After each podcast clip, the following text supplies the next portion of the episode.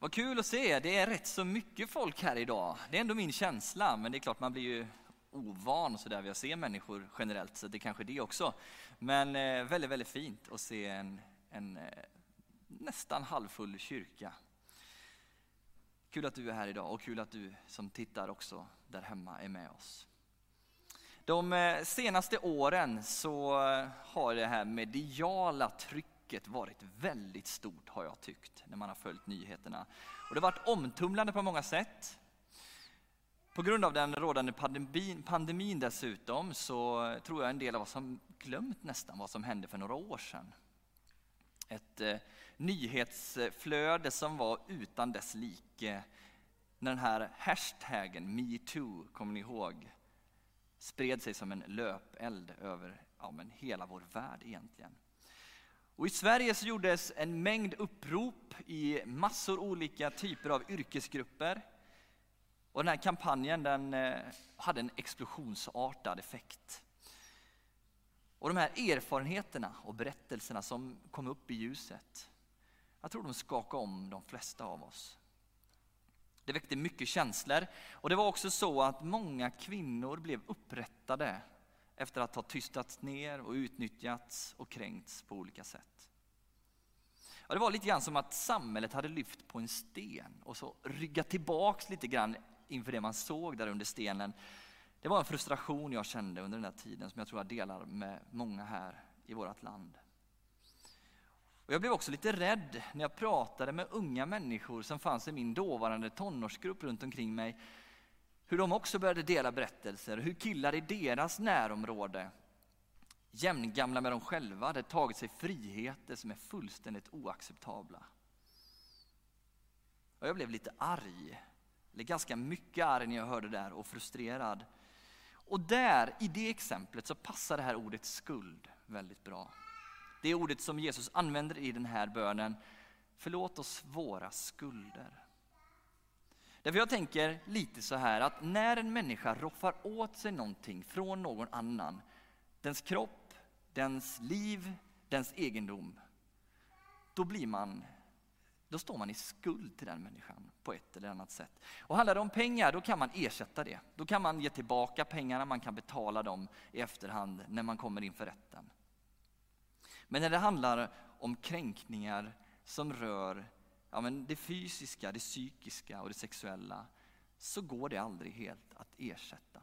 Utan det skapar sår här inne som en människa ja, men kan få leva med under lång tid och som är svårt att kompensera för. Den här människan som har gjort någonting står i skuld till mig. Den har tagit någonting från mig som den inte hade rätt att ta. Och I Bibelns bok som vi har här så finns det många fina och vackra berättelser. Men det finns också berättelser som handlar om precis just de här sakerna. Om brott som är så tuffa och svåra att förstå så man nästan häpnar. Och den berättelsen som vi fick höra idag, som Rickard läste, är en av de tillfällena i Nya Testamentet där vi får verkligen få möta ett sånt brott som idag hade ja, men, lett till ett, ett eh, livstidsfängelse. Och Stefanos då, han är ju en diakon. Han är utvald som diakon i den tidiga kyrkan. Och han är omtyckt. Han hjälper människor med det dagliga brödet och utdelandet av det i församlingen. Men han har också en gåva att förkunna. Han predikar mycket och han ber också för sjuka. Och det här retar upp judarna i synagogan i Jerusalem. Till den grad att de hetsar upp en stämning och de tar honom åt sidan och griper honom och förhör honom. Och det ni inte hörde här, det var ett långt tal av Stefanos där han förklarar att Jesus Kristus är Herre ungefär och att judarna är ute och cyklar. De har inte förstått detta. Ni måste förstå att Jesus har kommit för er skull och så vidare. Och de blir rasande. Och det här förhöret det spårar ur fullständigt och de drar honom med sig ut ur templet, ut ur staden. Och precis när de ska höja stenarna och kasta emot honom så står det att Stefanos riktar blicken mot himlen. Och där står det att han ser Jesus stå på Guds högra sida. Och det där låter ju som något vi har hört förut och ändå är det något där som inte riktigt är som vanligt. Därför det brukar ofta beskrivas när dörren öppnas in mot evigheten som det gör här. Som att Jesus sitter på Guds högra sida. Jag vet inte om det här är en viktig detalj, men för mig är det lite som att Jesus nästan är i språng att ta emot Stefanos i sina öppna armar när han snart ska få träda in i evigheten. Och Stefanos faller på knä och han ber den här bönen som får oss att associera till Jesu egen död. Herre, ställ dem inte till svars för denna synd. Eller som Jesus själv säger, förlåt dem, för de vet inte vad de gör. Det är en fruktansvärd berättelse på många sätt och samtidigt så är den väldigt stark. Därför det visar att Jesus alltid står på brottsoffrets sida. Jesus är beredd att ta Stefanos i sina armar och han låter honom också i det här dödsögonblicket få en uppenbarelse där han får se Jesus.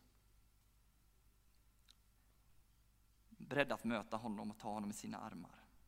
Och det här liknar ju också mycket av det som Jesus gjorde medan han levde här på jorden. Han fanns ju alltid för den som var utnyttjad, för den som var utfryst eller ensam. De tog han i sina armar och de gav han av sin kärlek till, helt och fullt. Och är du en av dem som har blivit drabbad på det här sättet någon gång under ditt liv, att någon har roffat åt sig någonting från dig som är ditt, som den inte hade rätt att ta, och som har skapat ett sår i dig, att någonting fattas där, att den personen står i skuld till dig, så vet det att Jesus står på din sida. Han har alltid varit sån och i alla de texter vi har så är han sån till personligheten. Att han tar dig i första hand till sitt hjärta och omfamnar dig och vill liksom hela dina sår. Och jag tänker på Mikael Jeff Jonsson, en kristen låtskrivare som jag faktiskt hörde sjunga och spela här bara i veckan. Han sjunger så här i en sång, till dig som känner så här. En smärta som bränner sönder din kropp. I din svaghet ser du inget hopp. Men om du inte kan bli hel i Jesu armar, i vems armar ska du då bli hel? För han går aldrig förbi dig. Han vill för evigt vara din. Han går aldrig förbi dig. Ja, han vill för evigt vara din. Det är en sång till den som har blivit sårad av de kränkningar som vi människor begår emot varandra. Jesus är en sån som vill upprätta dig. Men hade jag stannat här och inte sagt något mer nu så hade jag bara förkunnat halva evangeliet. Och det ska vi inte göra idag utan vi ska också ta den andra halvan. Och det är ju att i den här texten, i den allra sista verserna där, så ser ni att Saul också finns med vid det här brottet som begås. Han sitter ju där. Saul är ju den som senare blir Paulus och som skriver stora delar av den här nya testamentliga delen i Bibeln. Han är en av de mest tongivande författarna och han talar extremt mycket om just förlåtelse och nåd. Han sitter där, han är ganska passiv, jag tror inte han slänger någon sten, men han tycker att det som händer är rätt och riktigt. Och det här är bara början för honom.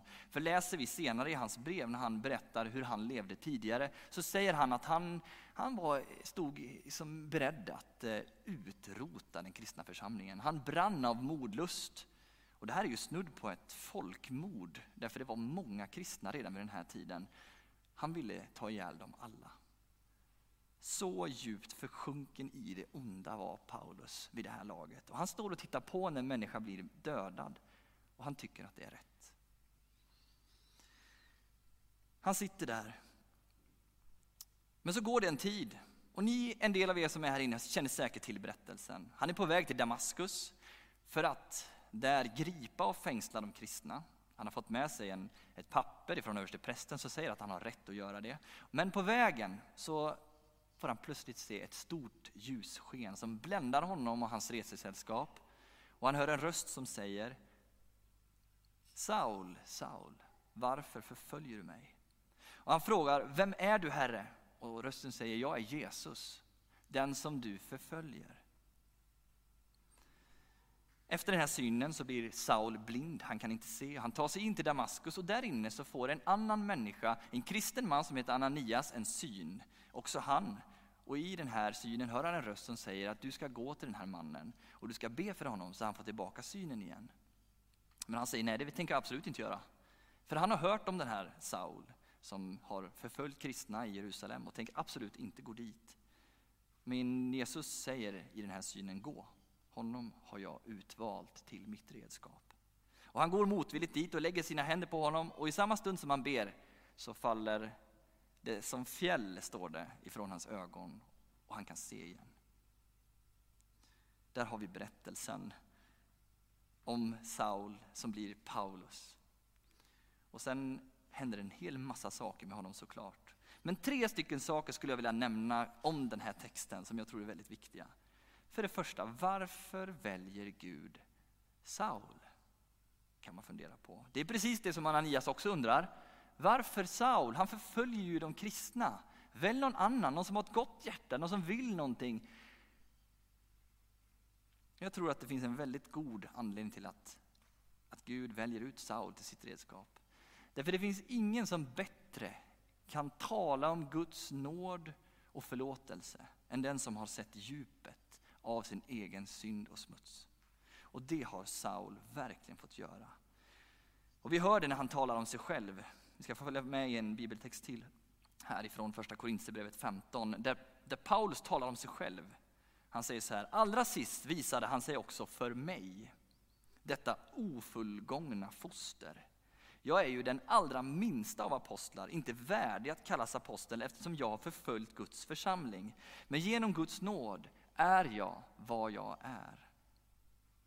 Genom Guds nåd är jag vad jag är. Magnus Malm skriver så här i en av sina böcker, han är ju en klok man. Har ni inte läst något om honom så gör det. Han säger så här, den som inte anat djupet av sin egen synd kan inte heller ana djupet av Guds nåd. Det finns någonting när vi drabbas av det vi själva har gjort.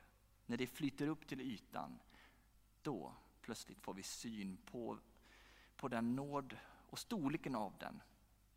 Och då föds en tacksamhet i våra liv, att vi får vara Guds barn trots allt.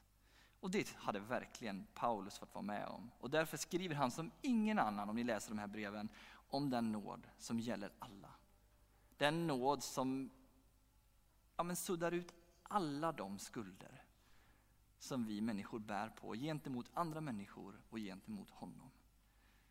Det finns ingen synd som är så stor att Gud inte kan förlåta den. Och vi ser det gång på gång, inte minst i Paulus eget liv, men också när Jesus hänger på korset och rövaren intill honom säger Tänk på mig när du kommer till ditt rike. Och Jesus säger Redan idag ska du få vara med mig i paradiset. Vi vet inte vad han hade gjort. Han hade inte räknat med att få den förlåtelsen. Han ville bara ha en tanke. Men han fick ett evigt liv. Sån är Gud. Och Saul är det levande exemplet på att det är på det viset. 2. En kränkning mot en medmänniska sårar också Gud. är min andra punkt. Ni hör här, när Gud, eller Jesus, upp, uppenbarar sig för för Paulus på vägen till Damaskus så säger han, varför förföljer du mig? Paulus hade inte förföljt Jesus, han hade förföljt människor som älskar Jesus. Varför förföljer du mig? Här är ett av de bibelställena vi har som visar hur otroligt djupt engagerad Gud är i varje människas liv. Det finns fler sådana, till exempel när, Jesus säger allt vad ni har gjort för någon av mina minsta, som är mina bröder, det har ni också gjort för mig. Alltså när vi skadar någon annan människa, när vi roffar åt oss någonting från henne som inte är vårt, när vi kränker henne, då kränker vi också Gud. Och när vi trampar på en annan människa på något sätt så trampar vi också på Gud. Och Det här är ju ganska allvarligt och det, låter, och det är också allvarligt tänker jag och det låter ganska hemskt. Men det härliga i det, det är att därmed blir också Gud ja, men därmed kan också Gud få möjligheten att ge oss den förlåtelsen som människan vi trampade på kanske inte hade ork och kraft att ge oss. Därför Gud är också en del av den sårade parten. Och Det är lite så vi får tänka när vi har bett om förlåtelse till någon som säger jag, jag kan inte förlåta dig, jag vill, jag vill aldrig mer se dig. Då kan vi ju gå under fullständigt i våran skuld och skam.